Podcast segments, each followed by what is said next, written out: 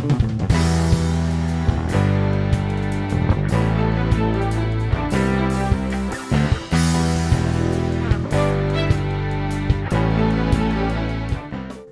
saudara yang dikasih Tuhan.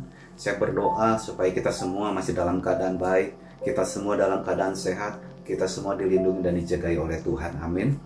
Saudara, dari manakah datangnya kekhawatiran itu?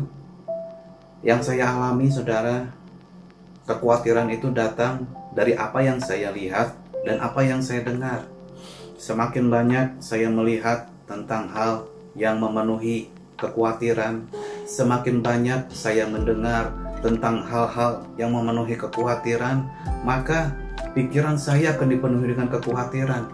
Pada akhirnya apa saudara? Hati saya merasa khawatir, pikiran saya menjadi khawatir. Setiap hari hidup saya di dalam kekhawatiran. Dan ketika saya hidup di dalam kekhawatiran, maka kehidupan saya menjadi tidak baik, makan tidak enak, tidur tidak baik, tidak enak juga, tidak pulas juga, istirahat juga tidak enak, bekerja juga tidak enak.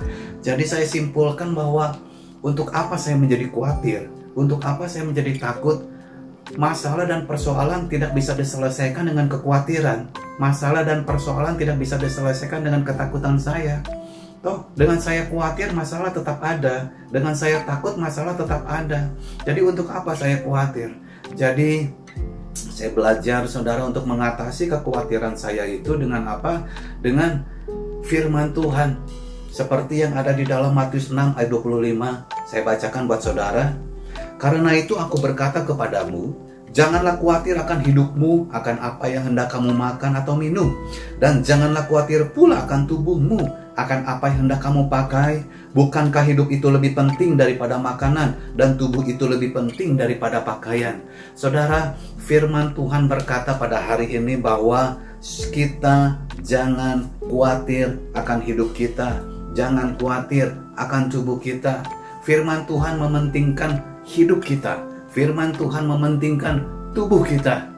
Artinya apa saudara? Mari kita kelola kehidupan kita terlebih dahulu, kita kelola tubuh kita terlebih dahulu. Artinya apa? Ketika kehidupan kita baik, pola makan baik, pola istirahat baik, pikiran kita baik, jiwa kita baik, maka kita bisa bekerja dengan baik, kita bisa berusaha dengan baik. Demikian juga dengan tubuh kita, saudara. Kalau tubuh kita dalam keadaan sehat, tubuh kita dalam keadaan kuat, tubuh kita dalam keadaan baik, kita bisa bekerja, kita bisa berusaha. Sekalipun hari-hari ini kita sedang dalam masa-masa kesusahan, kita dalam masa-masa kesesakan, tetapi minimal dengan tubuh yang sehat, dengan hidup yang baik, kita bisa mencari berkat yang ada yang sudah Tuhan sediakan bagi kita. Bandingkan saudara atau bayangkan jika tubuh kita dalam keadaan sakit.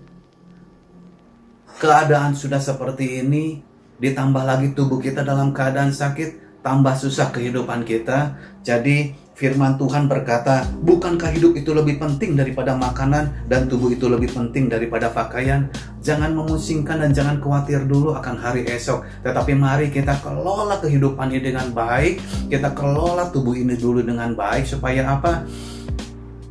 ada sukacita, ada damai sejahtera di dalam kehidupan kita. Nah, saudara dikasih Tuhan, bagaimana untuk menghindarkan pikiran dari kekhawatiran? Firman Tuhan di dalam Filipi 4 ayat 6 sampai 8 berkata, Janganlah hendaknya kamu khawatir tentang apa pun juga, tetapi nyatakanlah dalam segala hal keinginanmu kepada Allah dalam doa dan permohonan dengan ucapan syukur. Firman Tuhan menasihatkan kita pada hari ini yaitu supaya kita menyatakan segala hal keinginan kita, menyatakan kekhawatiran kita, menyatakan ketakutan kita kepada Allah lewat apa? Lewat doa, lewat permohonan dan ucapan syukur. Pertanyaannya apakah dengan doa bisa menghilangkan masalah? Pertanyaannya apakah dengan doa bisa menghilangkan persoalan? Dah. Ketika selesai doa, masalah tetap ada. Ketika selesai berdoa, persoalan itu tetap ada. Ya, betul sekali. Tetapi dengan berdoa, kita bisa menghilangkan kekhawatiran yang ada di dalam hati dan pikiran kita. Kenapa firman Tuhan di ayat 7 berkata, ketika kita selesai berdoa, ketika kita selesai memohon, ketika kita selesai mengucap syukur, maka Damai sejahtera Allah yang melampaui segala akal akan memelihara hati dan pikiranmu di dalam Kristus Yesus. Saudara, ketika kita selesai berdoa, ketika kita selesai memohon, ketika kita selesai mengucap syukur kepada Allah, maka damai sejahtera yang melampaui akal pikiran itu akan menguasai hati kita, akan menguasai pikiran kita. Nah, saudara, mari kita renungkan bagaimana jika damai sejahtera itu ada di dalam hati kita, bagaimana jika damai sejahtera itu ada di dalam pikiran kita. Tentu Ketika kita menyelesaikan sebuah masalah dengan kepala dingin, dengan hati yang tenang, maka masalah yang ada, persoalan yang ada akan mudah ditemukan jalan keluarnya. Berbanding terbalik, ketika hati kita penuh dengan kekhawatiran, pikiran kita dengan penuh dengan kekhawatiran, maka persoalan yang kita hadapi, masalah yang kita hadapi, itu tidak mudah mencari jalan keluarnya. Malah kita akan menambah masalah dengan apa? Yaitu tadi dengan tubuh yang sakit. Kekhawatiran yang berlebihan itu akan menimbulkan rasa takut. Ketakutan yang berlebihan itu akan membuat pikiran menjadi stres, pikiran akan menjadi depresi. Kalau jiwa kita sudah depresi, ahli-ahli bilang itu akan menurunkan daya tahan tubuh dan membuat imun kita menjadi lemah. Kalau imun kita menjadi lemah, maka kita akan mudah terserang oleh sakit penyakit. Maka apa yang itu harus kita lakukan? Setelah kita berdoa, setelah kita memohon, setelah kita mengucap syukur kepada Allah, kekhawatiran itu akan digantikan dengan damai sejahteranya Allah. Percayalah akan hal itu saudara-saudara.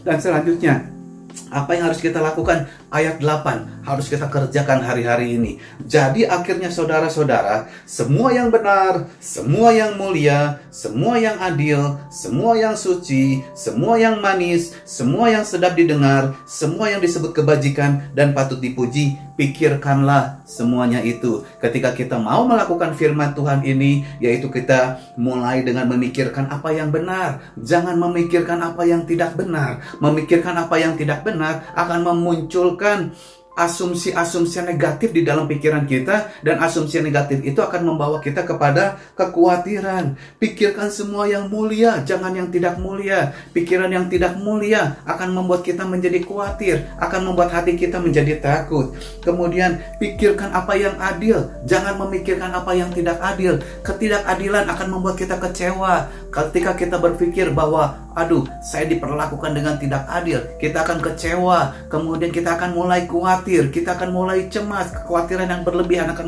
menimbulkan rasa takut, ketakutan akan membuat kita stres dan depresi. Stres dan depresi akan membuat daya tahan tubuh kita menjadi lemah. Ketika daya tahan tubuh kita lemah, kita akan mudah terserang oleh sakit penyakit.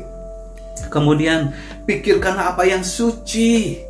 Jangan memikirkan apa yang berdosa. Bagaimana supaya kita memikirkan apa yang suci? Banyak firman Tuhan, banyak baca firman Tuhan, banyak dengar firman Tuhan supaya apa? Yang ada di pikiran kita adalah yang suci, bukan yang berdosa. Ketika ketika kita memikirkan apa yang berdosa, maka kekhawatiran akan mulai menghinggapi pikiran kita. Kekhawatiran yang berlebihan akan menimbulkan rasa takut. Ketakutan yang terus-menerus akan membuat kita stres dan depresi yang membuat daya tahan tubuh kita lemah dan mudah terserang oleh sakit penyakit.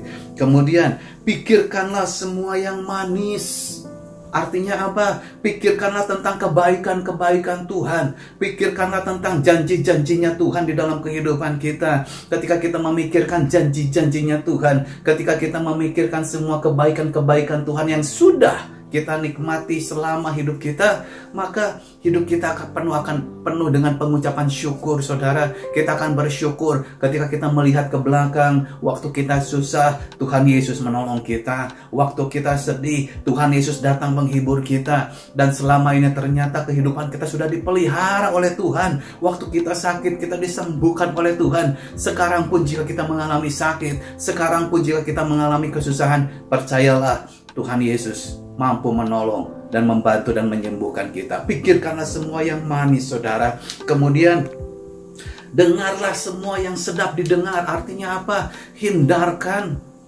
suara sedu, suara yang tidak sedap didengar, suara-suara yang penuh dengan ketakutan, berita-berita yang membawa kita menjadi khawatir, berita-berita yang membawa kita menjadi takut. Hindari itu saudara. Mari kita mulai dengar firman Tuhan, mulai dengar kesaksian-kesaksian. Itu akan membangkitkan iman kita, itu akan membangkitkan sukacita kita, itu akan menghiburkan hati kita. Jadi mulai hari ini saya himbau mari saudara-saudara hindarkan berita-berita yang membuat kita khawatir, Hindarkan berita-berita yang membuat kita takut. Kalau kita terus-menerus mendengarkan berita itu, semakin lama kita akan semakin takut, semakin lama kita akan semakin stres, semakin lama kita akan semakin depresi, saudara. Jangan sampai kita seperti orang-orang Singapura hari-hari ini karena mereka khawatir, mereka bingung, mereka takut sehingga apa? Mereka turun ke jalan, buka baju telanjang, teriak-teriak karena apa? Saking mereka stres, saking mereka takut diawali apa? Kekhawatiran yang terus-menerus yang menimbulkan rasa takut dan meningkat menjadi stres dan depresi. Kemudian pikirkan apa yang disebut dengan kebajikan dan patut dipuji. Pikirkanlah semuanya itu saudara. Oke, kita lakukan Filipi 4 ayat 6 sampai 8 ini dan saya percaya semakin hari kekhawatiran yang ada di dalam hidup kita akan semakin berkurang digantikan dengan damai sejahtera, sukacita, penghiburan yang daripada Tuhan akan menguasai hati dan pikiran kita, saudara. Hari ini, firman Tuhan berkata, jangan khawatir. Serahkanlah segala kekhawatiranmu kepada Tuhan, sebab Tuhan sanggup memeliharakan kehidupan kita. Amin. Tuhan Yesus memberkati.